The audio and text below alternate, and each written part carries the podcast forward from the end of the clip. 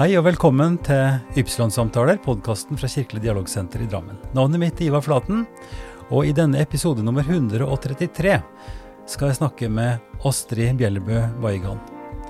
Astrid hun ble innsatt som prost i Drammen i 1989, som den første kvinnelige prost i Norge. Hun hadde da allerede 20 års tjeneste som sykehusprest bak seg, og skulle bli like mange år i Drammen. Prost Astrid åpna for en kirkelig innsats i religionsdialog, som hun også har et personlig forhold til. For under et studieopphold i Wien traff hun eh, mannen sin, Hediat Markus Bayegan, som er født inn i en muslimsk familie i Iran. Astrid er en aktiv pensjonist som er bosatt i Asker. Og hun fyller 80 år nå i februar. Da er jeg så heldig å få jeg er på besøk hos Astrid Mjellebø Baigan i Asker. Eh, skal vi si godt nyttår først? Ja, godt nyttår. Det er en av de første, første episodene i, i podkasten i 2023. Det er fjerde sesong. Og jeg har lenge tenkt på å, å spørre deg, Astrid, om å få en prat, fordi du var en eh, viktig person i mitt profesjonelle liv. For du var min sjef da jeg starta som prest i Drammen for mange år siden, altså i 2006. Du var den første kvinnelige prost. Hva er, hva er, historien bak det? Det var jo en stor overraskelse både for meg og for alle andre, tror jeg. Og litt kontroversielt? Og litt kontroversielt. Det var det. Ikke så lite heller, kanskje? for noen? Nei da. Prestene som jeg skulle være leder for, de hadde sendt et protestbrev til eh, departementet. Um, de vil, det var flere andre de kunne foretrekke istedenfor meg. Men, men så, så, ble det jo bare sagt at det er hun som er utnevnt som prost. Og da var de veldig greie. Da sa de Da var jo også kvinneprestmotstandere blant dem. Mm. Men når jeg kom, så var det en av de som kom og sa det at vel, jeg er Jeg har ikke vært for deg, men når du først er her, så skal, skal jeg være lojal, og det skal vi alle være. Mm. Og det var de. Ja.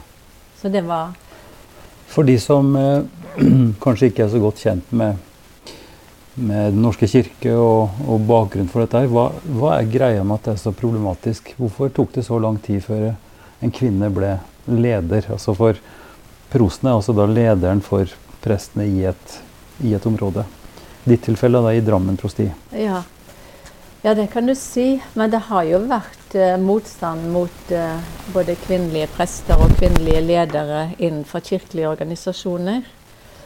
Og etter min mening misforstått, misforstått misforstått Bibelens ord. Fordi jeg, jeg, tenker jo at når Gud valgte en kvinne til å føde sin sønn, så var det en enorm bekreftelse på at kvinnen er likeverdig. Og det mm. fantastiske her, det er jo at uh, Gud opererer sammen med kvinnen, uavhengig av mannen, i dette prosjektet. Og da er det som han kaller kvinnen inn på historiens og frelseshistoriens arena. For på den tiden da Jesus ble født, så hadde jo kvinner ingen status.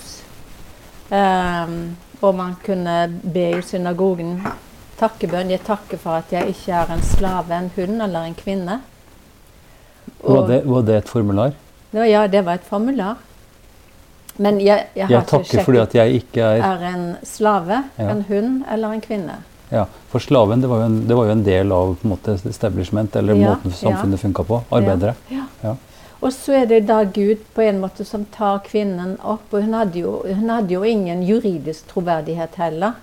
Og vi har, jo, vi har, jo, dette uttrykket 'det er bare kvinneprat'. altså Det kan man ikke feste lit til. Så kvinnene hadde ingen anseelse.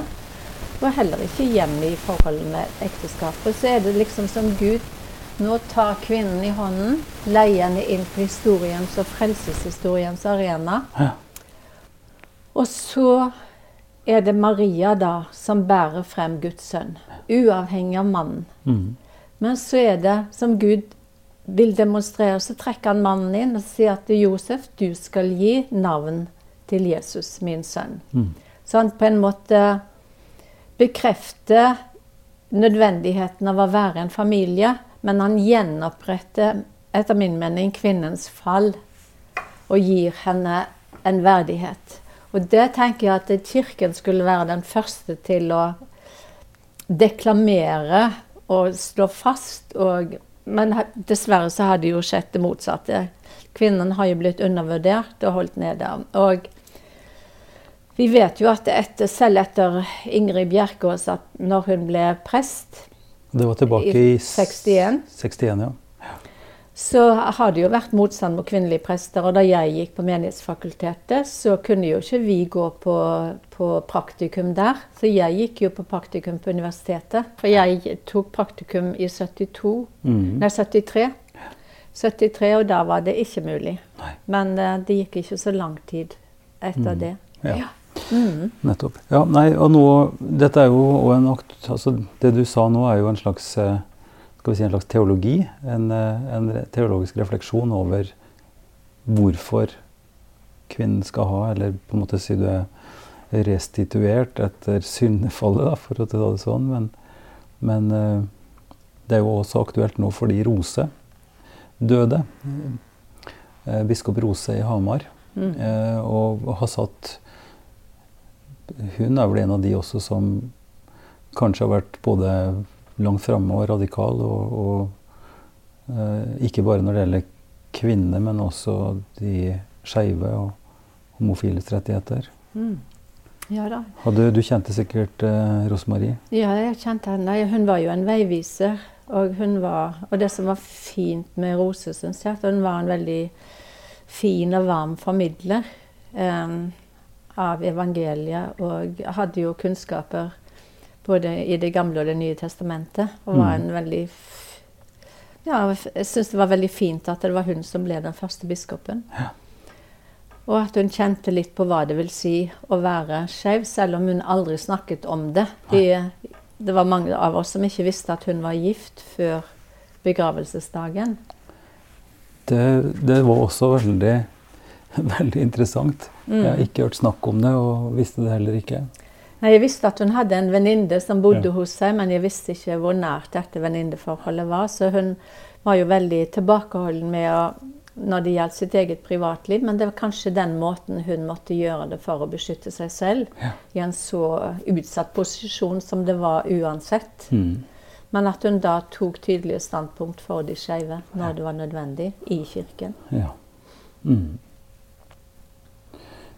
Eh, du sa Astrid, at uh, det var kanskje litt kontroversielt uh, når du fikk jobben, men at du fort ble både anerkjent og, og kunne jobbe som prost i, i, Drammen på en god måte med kollegene der. Ja, det kunne jeg. Ja.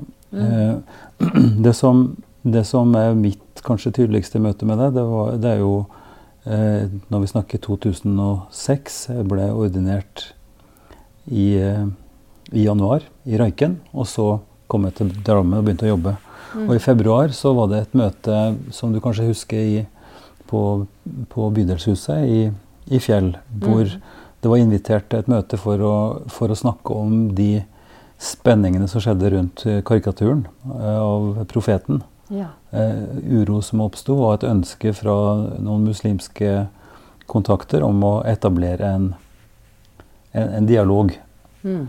Uh, og i ettertid så har jeg jeg husker det møtet veldig godt, og jeg husker også eh, i et prestemøte etterpå hvor du stilte spørsmålet til prestegruppa om det var noen som kunne tenke seg å bruke litt ekstra tid på å jobbe med dialog. Mm. Ikke sant? Mm.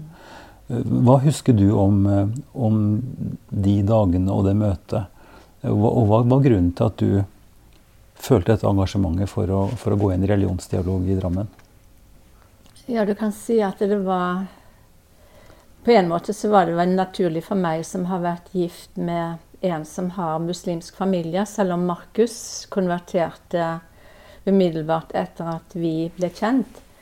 Men jeg har jo lært hans familie å kjenne. Selv om de er sekulære muslimer, så er, de, så er det tross alt eh, De er fra Iran og Teheran, og eh, jeg har jo vært der. Og har på en måte hatt stor respekt for den persiske kulturen. Selv om jeg syns det er jo så tragisk, utviklingen. Men så for meg har det jo Og jeg har vært i internasjonale sammenhenger gjennom hele, mitt, eh, hele min karriere som sykehusprest. Mhm. Da var det en veldig viktig side av min prestetjeneste det internasjonale Pastoral Care and Counseling Association. Mhm.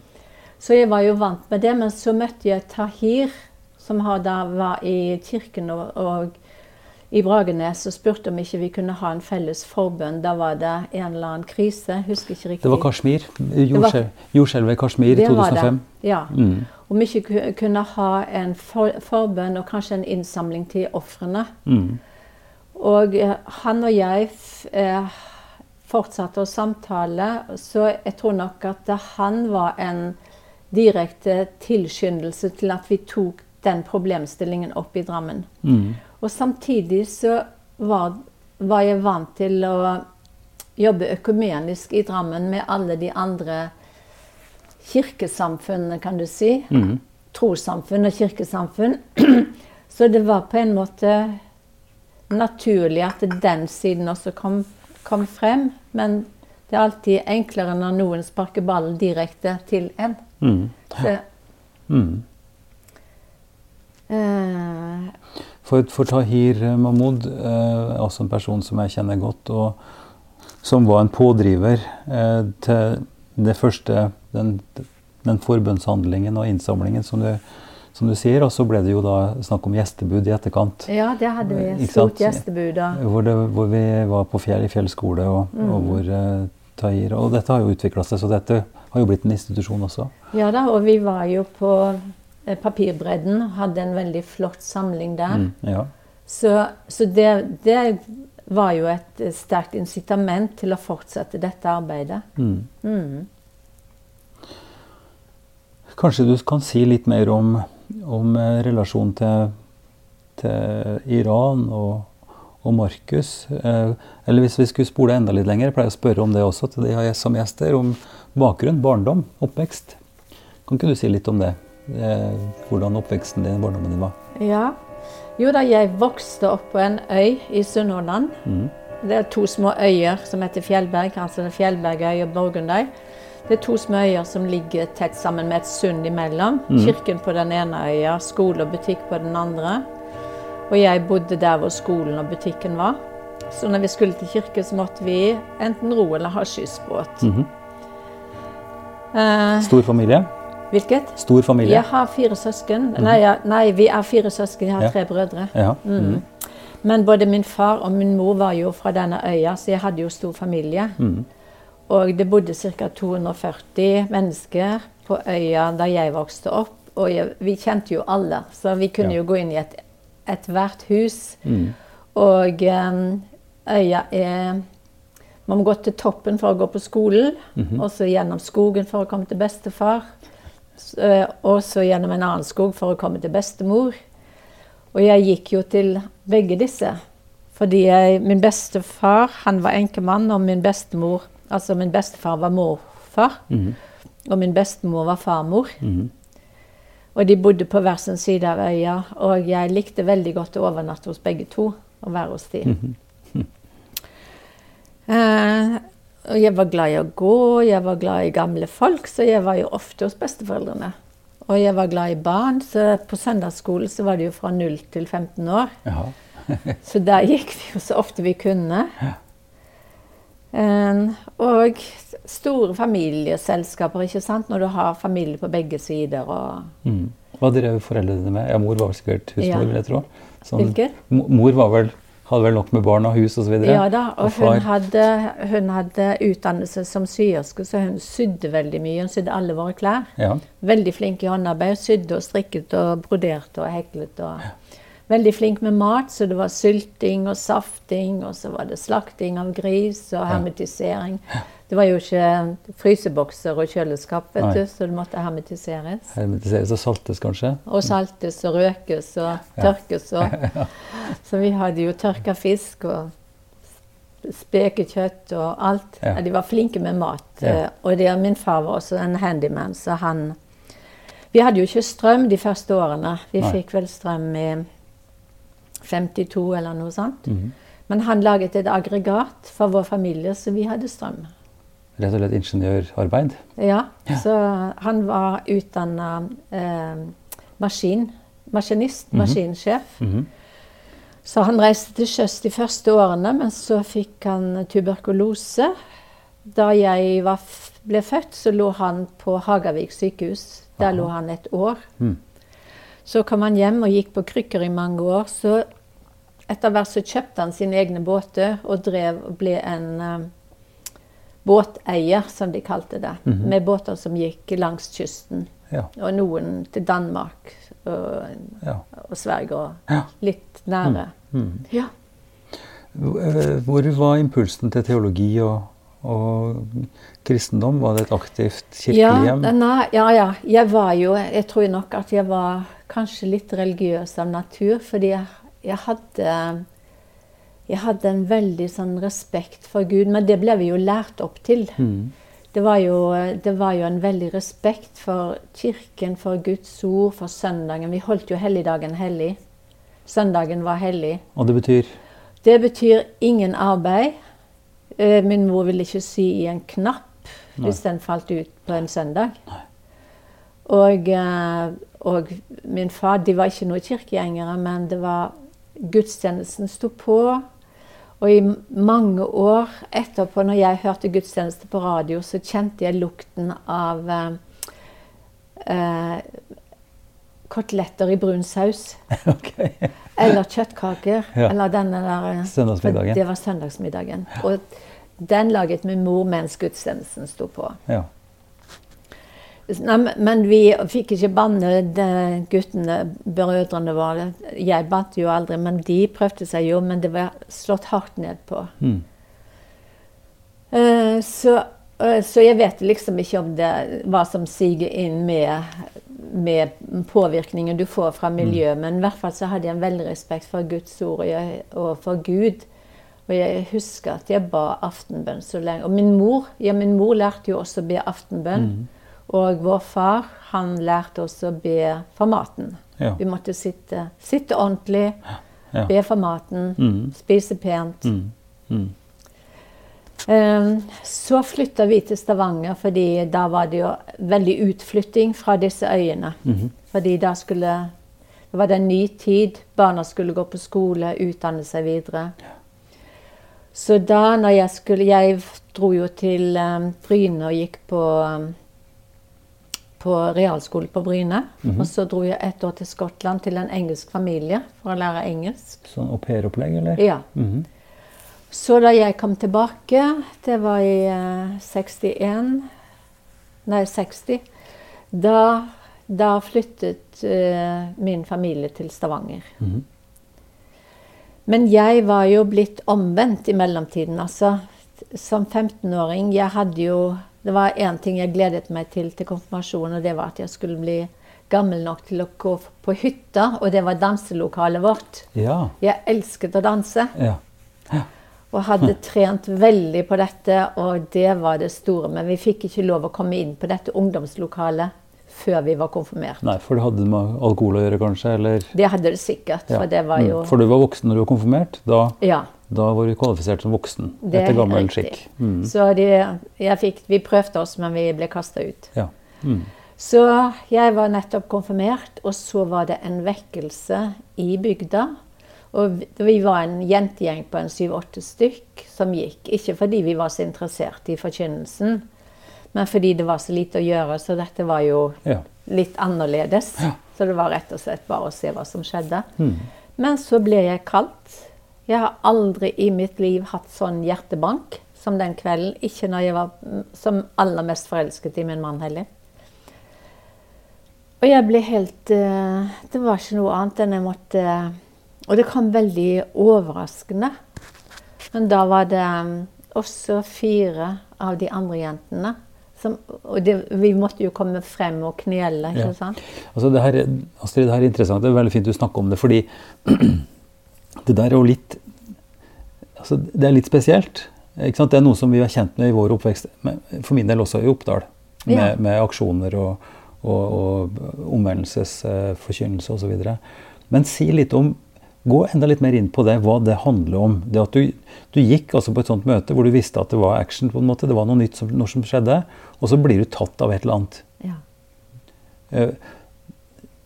Si- litt mer om Du sier hjertebank, men du, du fikk det, det var en slags, en slags følelse av at, det var, at Gud ville deg noe, eller at det var noe som angikk deg sjøl veldig veldig personlig eller direkte. Ja, du vet han, Forkynnelsen var jo veldig klar i den tiden der. Mm. Det var jo veldig mye helvetesforkynnelse også. Mm. Altså hvis du kommer i helvete og går fortapt. Ja. Men så var det også med at Gud kaller deg til, til en tjeneste. Eller Gud kaller på deg, vil ha deg inn i sitt samfunn. Mm. Eller det var jo Jesus de forkynte Ja. av forkynnelsen. At det, Jesus er her og kaller på deg. Han Mm. vil ha deg inn i sin venneflokk. Det var en fin forkynnelse. Mm.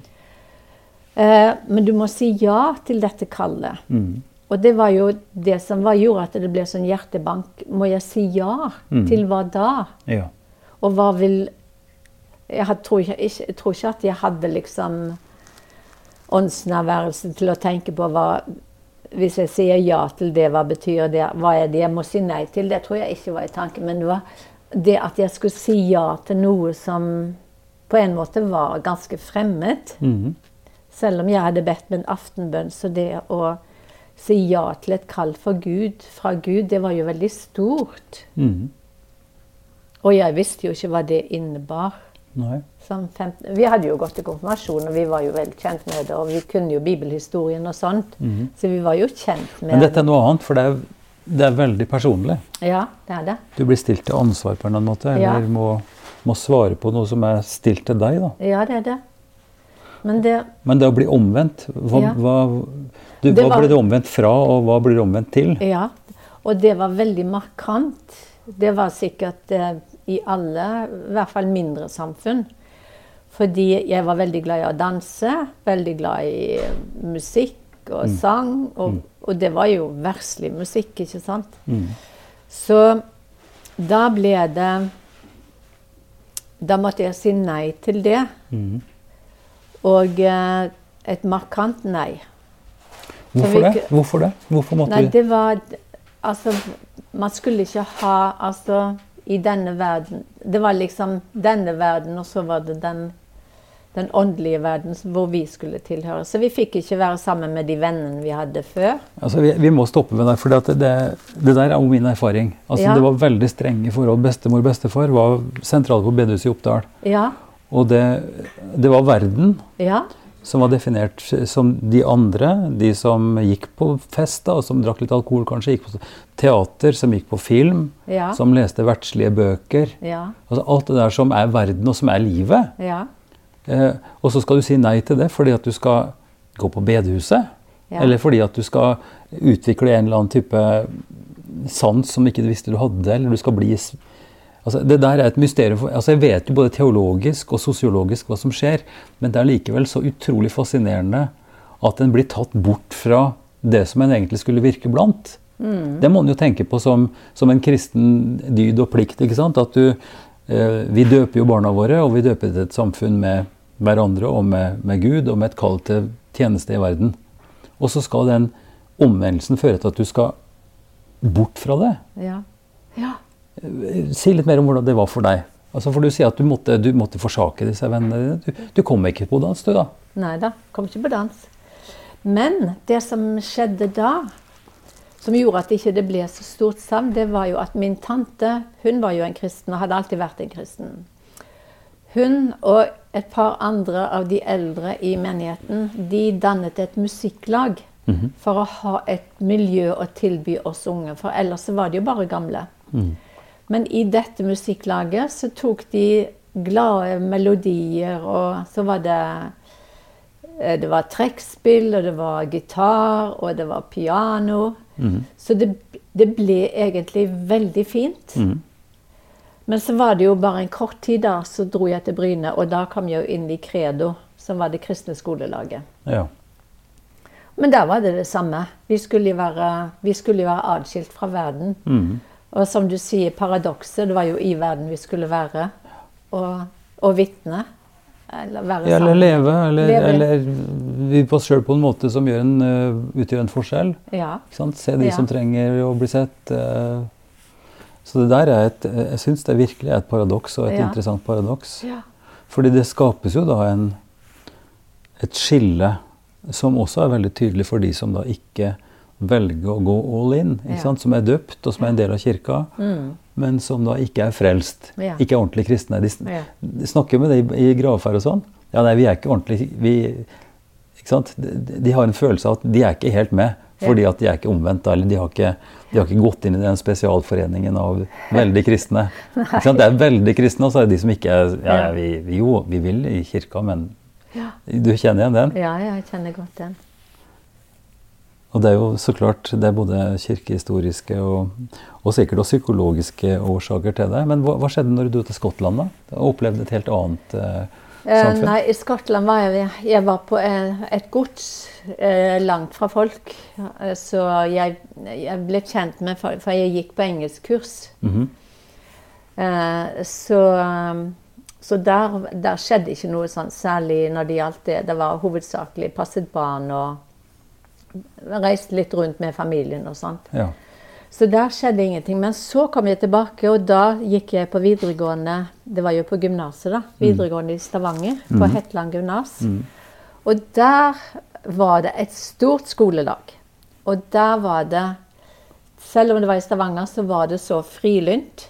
Der var det dans.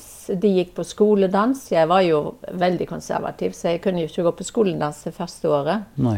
Men så var det, det var dans, de gikk på kino, eh, de leste bøker, de gikk på teater, og de inviterte til selskap. Kulturåpent, rett og slett. Veldig, og veldig kjekke. Så jeg gikk jo med liv og sjel inn i skolelaget og ble etter hvert formann. Mm. Og eh, så hadde vi jo Misjonshøgskolen. Mhm. Og disse misjonsstudentene de kom jo og var, de skulle være onkler. Det var jo, det var jo ikke bare hovedsakelig, det var bare gutter, selvfølgelig. Mm. Så de var jo eh, eh, onkler i skolelaget, så de støttet Voksenledere, oss. på en måte. Voksenledere. Mm. Og støttet oss da. Hjalp oss å lage program og var til stede når vi hadde møtene. Og det kom jo mange fra Stavanger også og var med på møtene våre. Mm. Så det, og, og i den tiden der så var det en, Så hadde de jo skolelagets sekretærer som reiste rundt. Mm. Ja. Og de hadde en fantastisk flott Jeg husker ikke navnet og har ikke funnet det. Skolelagssekretær. Og hun var så inspirerende. Og hun, hun på en måte rekrutterte til teologistudiet. ja. Det var veldig inspirerende fordi hun, eh, hun fortalte uh, hvor fint teologistudiet var. Og eh, hun var som inspirerende personlighet. Mm. Så det var så tydelig at det var noe hun likte, og eh, hun hjalp oss godt. Mm. Så vi var i hvert fall tre i min klasse som valgte å studere teologi. Mm. Kjetil Hauge, Inge Bruland Mhm. og jeg selv. Ja. Så, og, så skolelaget betydde veldig mye for oss. Men det, det ble jo da et slags brudd med Du sier at du var veldig konservativ. Du, du var prega av den kristendomsforståelsen som var, som var ganske skal vi si, tilbaketrukket eller streng. da. At man Ja. skulle holde seg borte fra de vanlige folka, på en måte. Ja. Eh, Og kom til Stavanger i et skolelag som i en helt annen grad åpna opp for Ja. å kunne bli en del av det skal vi si, vanlige Ja. kulturelle livet. da. Ja. ja. Eh, Har du tenkt noe mer på det sånn i etterkant? Eh, Hvordan du håndterer det nå? Du, du har vel også møtt måte den, si, den konservative eller den strengere kristendommen også som Men du vet, jeg var, jeg var såpass ung, og det var så lite at jeg var i det kristne miljøet, så det, det hemmet meg aldri. Den, og eh, de kristne som, eh, som var i dette miljøet, de var veldig Altså, jeg opplevde de som, som en ung jente, bare som snille og gode mennesker. Ja, ja. De var gode mennesker jeg møtte på min Ja, vei. Så jeg, had, jeg har aldri hatt noe sånn traumatisk. nei. Men det var mer forkynnelsen på realskolen som var, som var kanskje Som preget meg mest Mhm. i det konservative. For der var alt synd. Ja. Og eh, vi var jo i den alderen hvor vi ble forelsket, og da Ja. skulle vi ikke holde hender, vi skulle ikke kysse, vi skulle ja. ikke være nær hverandre. Mm. Og i hvert fall ikke ligge med hverandre. Det var, da, da havnet du jo rett i helvete. Og selv de som var forlovet, skulle ikke ha noe seksuelt samkvem. Nei. For det var jo Da brøt du jo Guds Ja. bud. Og, så det var veldig traumatiserende. Vi fikk Mm. jo et veldig unaturlig forhold til det å være forelsket og, og kjærester. Mm.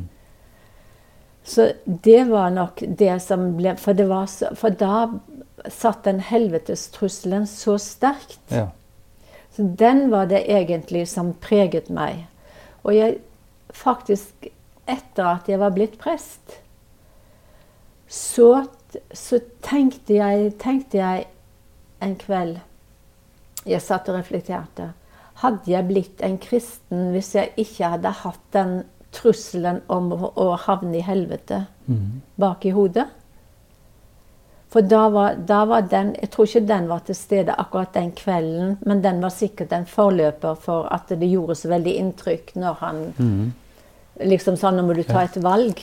Det var et dramatisk valg. ikke sant? Det var himmel og helvete. Mm. Så antagelig det som gjorde at det ble så voldsomt sterkt òg. Mm.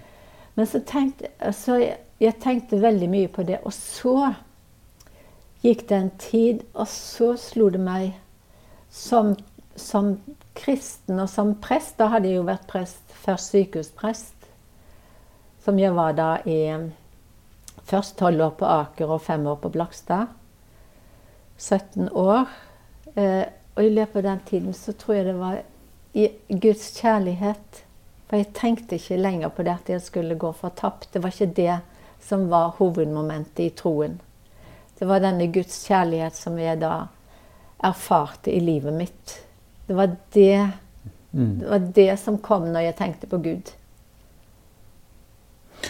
Ja, det er interessant eh, den problemstillinga om hva som ville ha skjedd hvis hvis en ikke hadde det der riset bak speilet, på en måte. Ja.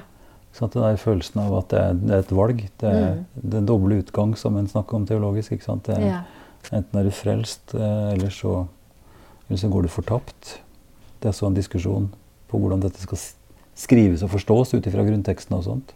Men at det er en del av vår felles historie og veldig mange menneskers forhold til kirke og, og kristendom. ja. Det tror jeg en kan si med stor sikkerhet, at det er mange som lever med den angsten i større eller mindre grad. Mm. Eh, noen ganske nylig så var det et ganske sterkt uttrykk for det. En person som eh, som eh, var syk, men som, eh, hvor dette var en drivkraft for å, for å snakke, rett og slett. For å Mm. snakke om og, og på en måte ja, Ikke finne ut av det, men altså det sett, eh, ja, hvis en er syk nok, så er jo ikke det aktuelt å snakke teologi, men, men det setter noen spor og noen mønstre som er ytterst skremmende, og som jeg tror følger mange. Mm. Mm. Så du på en måte ble frelst fra frelsen? Eller fra de utslaga som kunne. Altså den Jeg ble frelst inn i en, i en relasjon. Ja. Jeg tenker Det er veldig viktig. At Gud vil ha en relasjon med oss. Og det er en relasjon preget av kjærlighet, Mm. av rettferdighet, av omtanke, av, ikke minst av nåde. Mm. Jeg tror det jeg har takket mest for i løpet av mitt liv, er Guds nåde. Mm. Guds barmhjertighet. Mm. Og, og jeg, tenker, jeg er så takknemlig for at Jesus lærte oss å be, Mm. og at han åpnet denne muligheten at vi kan henvende oss til en Gud som hører våre bønner, Mm. og svare. Mm. Svaret er helt annerledes kanskje enn vi hadde tenkt, men Mm. alltid at vi kjenner at vi, vi er omsluttet av Mm. kjærlighet. Kan du ikke si litt om eh, studietida di? Du, du kom altså sammen med disse to fra klassen din eh, til Oslo Ja. og Mhm. leste teologi i seks-sju år, antagelig. ja. Eh, hva var det som prega den studietida? Det, det er klart det er mye tøff lesing. Du skal lære språk, du skal lære Ja, det var jo krevende. Det er Mhm. krevende studie. Eh, Jeg, etter at jeg var ferdig med førsteavdeling, så dro jo jeg til Wien, for da var Markus i Wien. Da hadde jeg truffet han. Du traff han i Oslo? Traf, jeg, traf, nei, jeg traff han i Wien. Ja. i 65. Og Mm. da, det var da jeg begynte på MF, fordi eh, praktikum tok jeg i Stavanger i 64. Mhm. For da var det Universitetet i Bergen som hadde en, opprettet en filial i Stavanger. Ja. Så vi leste Ja, så det var et teoretikum som vi sier, som var et teoretisk studium med gresk, hebraisk, latin, kirkehistorie, bibelfag osv. ja. Eh, i som- og tok eksamen i det, og så kom det praktiske preste... Nei, det, det var to avdelinger, det. Vi Ja. tok så også det- første avdeling, eh, som var Når den var gjort, så dro jeg til, eh, til Wien, til Markus. Mhm. Og så gikk jeg faktisk der halvannet år på teologisk fakultet, eller to semestre aktivt. aktivt. -hmm. Men det var et helt annet studie, så jeg måtte på en måte holde ved like mitt eget studium, fordi opplegget var så forskjellig. Ja. Mm. Men så jeg hadde jo, Så vi fikk jo Elisabeth, vårt første barn, etter ett år etter at vi giftet oss. Mm. Og så eh, ble jeg gravid med nummer to etter et halvt år, så da tenkte jeg da må jeg komme meg hjem og, ta, og fullføre eh, under, Eller studiet mitt. Fullføre Mhm. Ta eksamen i annen avdeling. Mhm. Så jeg dro hjem eh, og fikk eh, familiehybel på, på Kringsjå. Mm. Fikk barnehageplass til Elisabeth. Så i 72 så fødte jeg Siv i mars og tok embetseksamen i juni. Wow. Og så Og Markus var jo tilbake, han var jo i Wien. Mm. Så tenkte jeg, hva gjør jeg nå med to barn? Og en som ikke tjener penger, og ikke jeg heller. Så Og jeg ba jo mye om dette.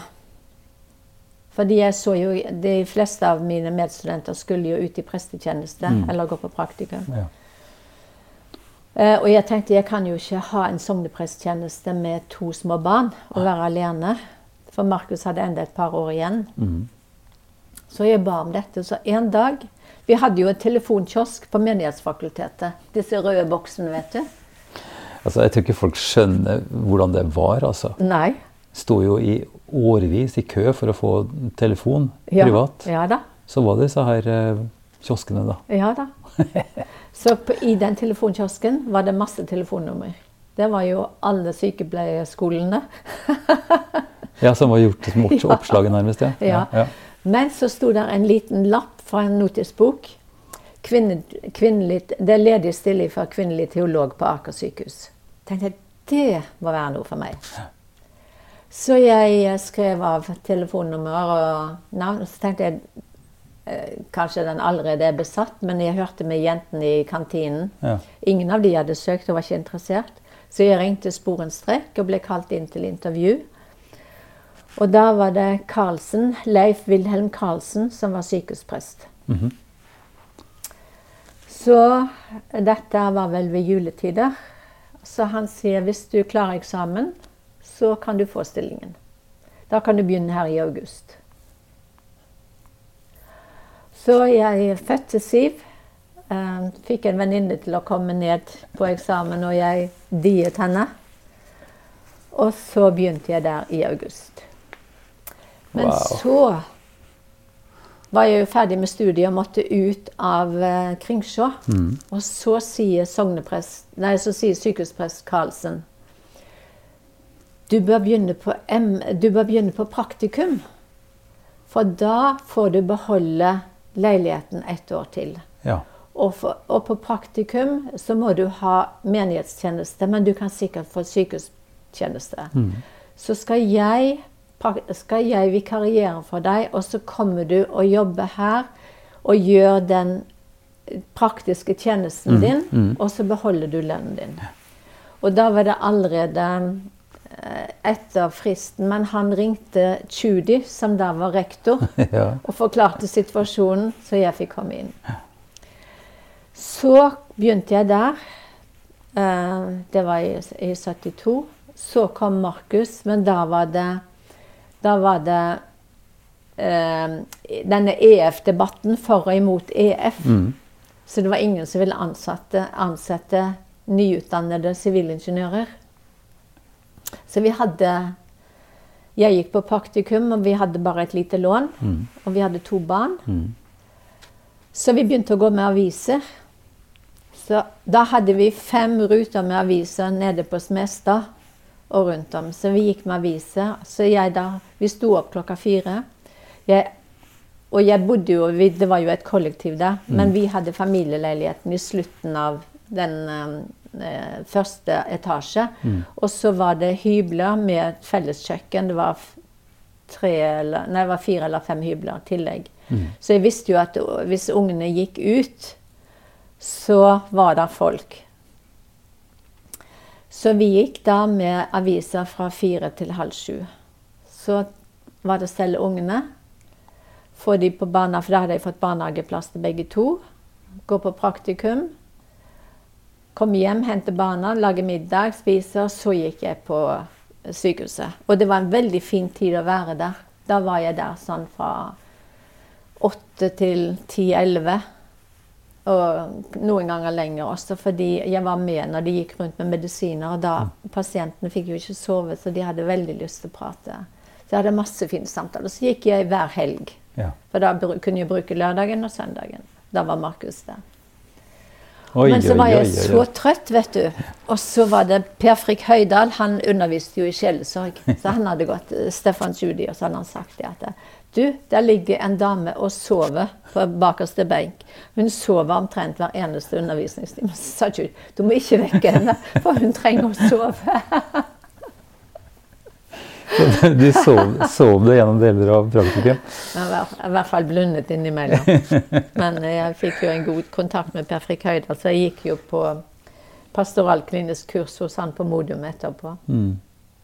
Nei til verden, altså det hva vi, hva vi klarer, og hva dere klarte. Ja. Altså måtte klare, da. Ja da. Ja. Og hvor robust den er som eh, yngre. Det er litt forskjell nå. Det er ikke fullt så mye, mye krefter å ta nå at en kan jobbe døgnet rundt. Nei da. Og heldigvis for det. Ja, ja. Heldigvis for det. Men si litt mer om eh, Jeg syns du kan si litt mer om Markus og, og den eh, linken. For nå er det jo Ja, det er mye kaos rundt omkring i verden, men det er jo særlig dette nå i, i Iran.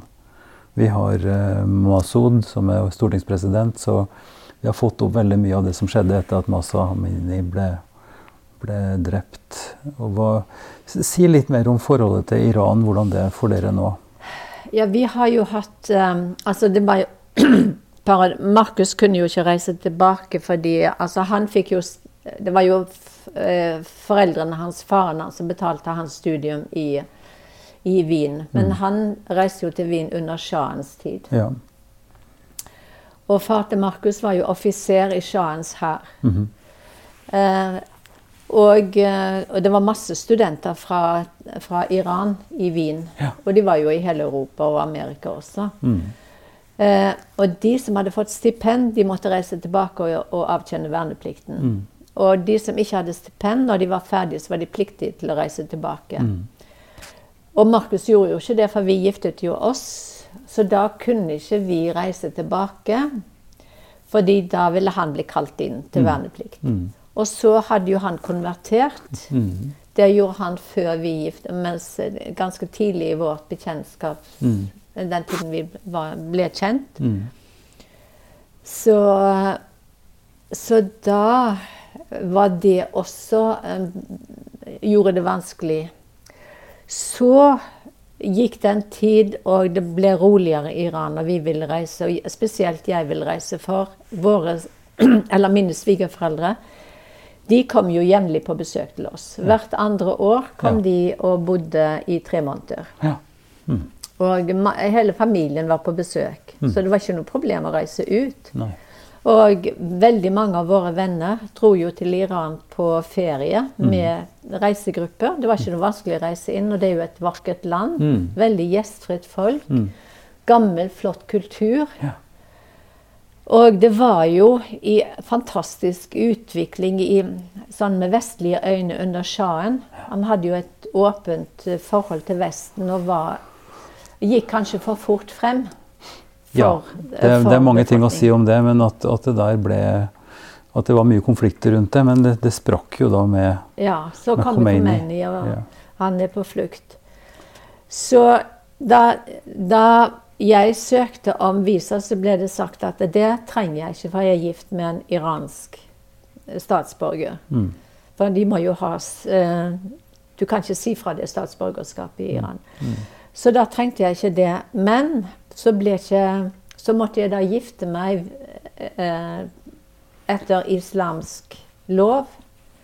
Og så sier jeg det kan jeg ikke gjøre, for jeg er kristen og jeg er prest i Den norske kirke. Og så sier han det er jo bare en proforma. Mm. Og så sier jeg jeg kan ikke gjøre det proforma heller, for jeg er allerede gift, så det går ikke. Og dermed så fikk jeg jo ikke visa. Og kunne ikke reise. Mm. Men så Og min svigermor, hun var jo så ulykkelig over det, for hun var jo så naturlig nok så veldig glad i sitt land. Og ville så gjerne både at hele familien skulle komme ned, men vi hadde et veldig godt forhold. Og hun sa du må se mitt land Mm. også. For hun var veldig, de var så begeistret for alt var så grønt her. Mm. Så ble hun alvorlig syk, og da hadde jeg hatt permisjon fra prostestillingen fordi Markus hadde jo fått en stilling i Sveits. Mm.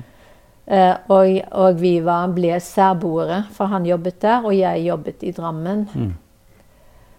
Så had, tok jeg to års permisjon og fikk det. Og eh, to års permisjon uten lønn fordi jeg ville gjerne fullføre en veilederutdannelse Mm. Innenfor eh, PKU. Mm.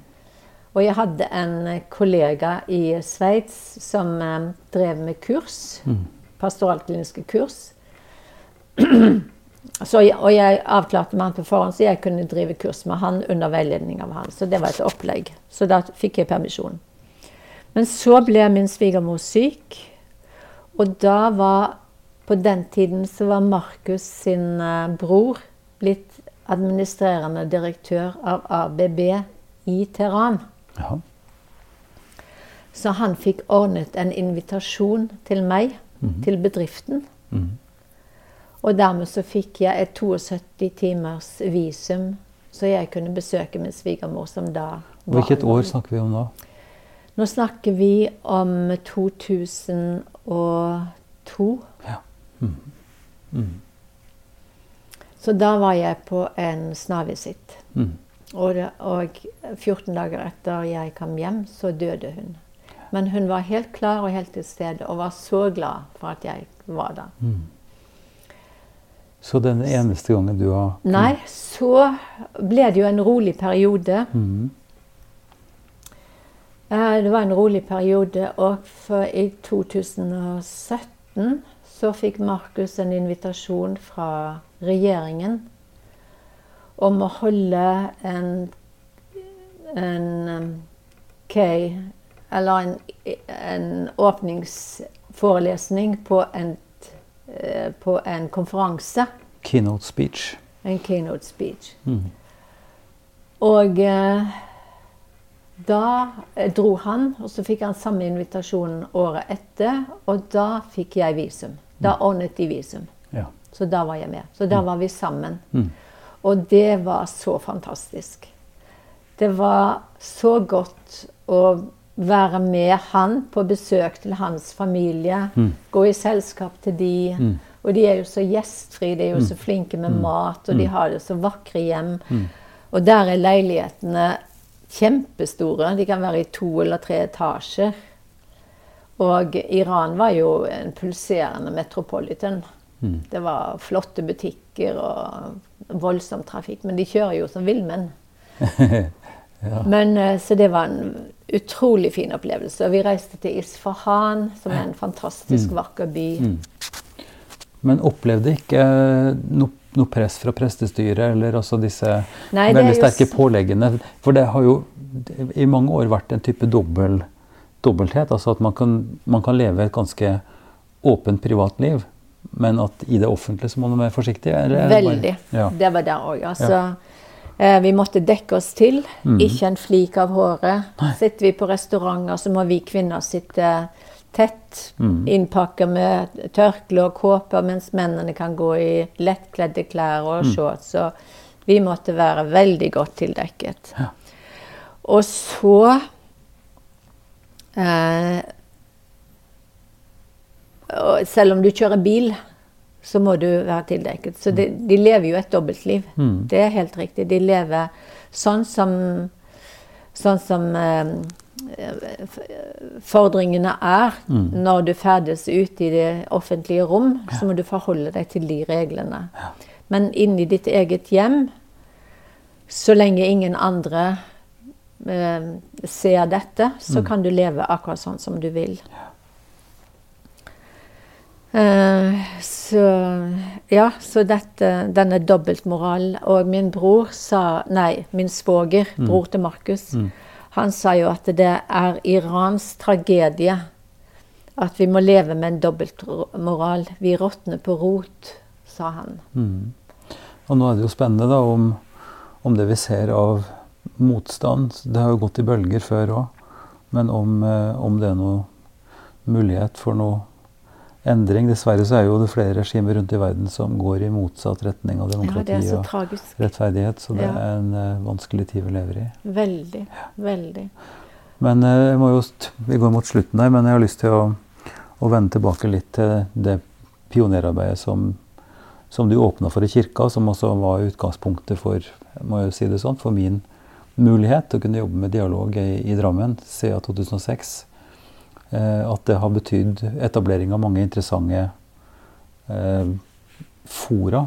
Både, Ja. både gjestebudet, som du nevnte, Mm. etter Kashmir-jordskjelvet og, og responsen på det.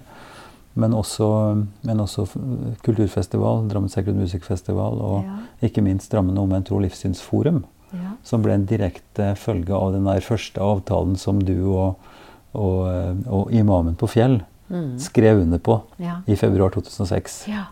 Og nå er det altså 15 år siden eh, DHTL ble stifta formelt. Ja. Og den 26. Eh, januar Mm. nokså rett etter at denne podkasten blir publisert, så, så vil det være en feiring av det i Fjell kirke. ja. Så Mm. både de som hører på, kan vite om det. En kulturkveld klokka sju. Og hvis du også har anledning, så vil du sikkert kunne ha glede av det. Og møte noen av kollegene fra, fra Ja. den perioden. ja, det er fantastisk. Jeg tror dialog er så viktig. Ja, du har, du har det jo både som jeg sier, som en del av det du har etablert i, i jobbsammenheng i Norske kirke, Mm. men også i familien. Ja. Eh, Du sier jo at eh, Markus' familie var på en måte sekulære muslimer, men, men jeg tenker ofte at det er jo et stort behov for å holde den samtalen også i det norske samfunnet. Mm. Er Vi var inne på det med forholdet mellom ulike religiøse retninger og strenghet i det religiøse. Ja. Men det å, å insistere på at vi har en felles plattform og må snakke sammen og, Mm. og ha en åpenhet oss imellom, Ja. eh, som er på en måte uten forbehold da, på den der medmenneskelige Ja. ja. plattformen. Mm. Det er utrolig viktig. Mm. Det er fantastisk arbeid. Du har jo gjort en kjempejobb der. Og veldig godt at du har holdt ut over tid, for det er jo et langsiktig arbeid. Mm. Og at man etablerer tillit i de andre miljøene som er så forskjellige. Og man, man ser jo på hverandre med skepsis før man lærer hverandre å kjenne. Mm. Og så ser man det at man har så mye felles. F.eks. min svigermor. Hun elsket å være med meg i kirken. Mm. Og da sier hun det at da kan jeg sitte og be. Selv om jeg ikke forstår noe, så kan jeg sitte og be. Og når vi snakket om hva vi ber om, så ber vi jo om de samme tingene. Mm. Bønnene våre er jo like, uansett hvor vi er. Mm. Og det er jo noe av det som er religiøse grunnlaget også, sånn som jeg ser det, at vi i, i, i religiøs sammenheng, også når vi ber på et personlig plan, så er jo det en veldig individuell erfaring. Ja, det det. Eh, og at den erfaringa vanskelig kan settes på formel. Vi må begynne å lage oss eh, si, dogmatiske måte, begreper og, og tenke på hva dette er for noe sånt, som kommer i neste omgang. Men den erfaringen av, av det å be, det å, å ha et forhold til det som vi kaller Gud, det er noe som er veldig, veldig åpent. Mm. Og da blir jo de andre funksjonene av å ha en, en religiøs tro, det er jo hva man gjør med det. Mm. Og det handlingsspråket, altså det vi gjør når vi vil ta vare på hverandre og bidra, Mm. er jo også veldig åpent. Det er det. Og så er det jo det at det står jo at Gud har nedlagt kjærligheten i menneskets hjerte. Mm. Og det er jo der vi kan kjenne hverandre igjen. Altså vi har et fellesskap i kjærligheten og tenke at vi har en fellesskaper som har gitt oss kjærligheten. Og den kan vi merke uansett tro, uansett eh, nasjonalitet. Mm. Når den er i funksjon, så har vi noe veldig sterkt felles. Og da er det jo som du sier, hvordan vi lever ut denne troen vår i fellesskapet. Det er jo til sjuende og sist, da, i hvert fall sånn i, i det medmenneskelige og mellommenneskelige, så er det det vi kan se Mm. og erfare. Ja, det er det. Eh, både av det du så sterkt snakka om, at du fikk det der kallet og en følelsen av at det gjaldt deg personlig, og at du måtte svare opp personlig. Men det er jo det som skjer i neste omgang igjen, som, som er livets gang, og det man gjør i relasjonene sine og bidrar med. Hvordan er pensjonistlivet ditt, eh, Astrid? Det har vært så godt. Det har vært så fantastisk godt, og jeg takker hver eneste dag. Eh, vi er to, Mm. vi er friske. Vi har våre barn og barnebarn rundt oss. Nå har vi flyttet i leilighet og solgt huset til vår eldste datter, som har vært bosatt i California. Mhm. Og hun flytter hjem til sommeren. Mm. Så det var jo en ekstra glede som jeg ikke visste om, som kom. Mm. Ja. Og så får vi være med. Så har vi hatt en veldig fin menighet som vi har tilhørt. Eh, Vardåsen menighet, hvor vi bodde før. Mm. Og så er det Asker menighet nå. Mm. Og jeg gikk jo i Asker kirke da jeg var sykehusprest på Blakstad. For Ja. da hadde jo jeg gudstjenester midt i uken. Ja. Og kunne gå til gudstjeneste her på søndager. Så jeg er jo kjent i kirken og er veldig glad i Asker kirke. Mm. Så jeg tenker at vi er jo så utrolig takknemlige som for å tilhøre et fellesskap. Mm. Og eh, så Markus og jeg har jo gått i en, eh, i en eh, bibelgruppe som startet omtrent når vi flyttet til Asker i 83. Og vi har holdt sammen helt til nå. Ja. Og så startet vi en bibelgruppe med folk som bor her i, eh, i, i komplekset Mm. i løpet av februar. Mm. Så, og det er også veldig fint. Ja. Og så er vi i Asker Kristelig Folkeparti og aktiv i Weissmenn og Ja. er med i Rotary. Så det, det, det er ikke kjedelig. Det er nok å fylle Nei, dagene det er med. nok. Og nei, jeg er takknemlig. Så takknemlig. ja. Og ikke minst takknemlig for at vi får bo i et land med fred, Mm. demokrati, frihet. Et fantastisk helsevesen som vi trenger i vår alder. Og Ja, du har jo just. fått erfare det. Absolutt. Absolutt. Sterkere enn mange andre. Men Ja. jeg har også fått erfare det. Mm. Så det er liksom så mange ting som man eh, takker for. Nå skal jeg takke for at du ville ta imot meg, og takk for en eh, veldig interessant samtale. Og lykke til videre med livet og aktivitetene deres her i Asker. Ja, takk Ivar fordi du tok turen. Takk skal du ha. Veldig fint å snakke med deg. Vi er nå i gang med sesong fire, år nummer fire i Ypsilon-samtaler. Podkasten er fortsatt støtta av eh, Drammen kommune gjennom eh, IMDi-midler, eh, av Einar Juels legat og fra familie, Barne- og familiedepartementet. Vi planlegger ca. 40 episoder også i 2023, og er veldig interessert i innspill med forslag til personer som vi kan invitere og snakke med. Ansvaret for podkasten den er det undertegnede, Ivar Flaten, som har. Og jeg produserer de for Kirkelig dialogsenter i Drammen. Du når meg på e-post ivar krøllalfa ifd.no. Jeg håper at jeg hører fra deg.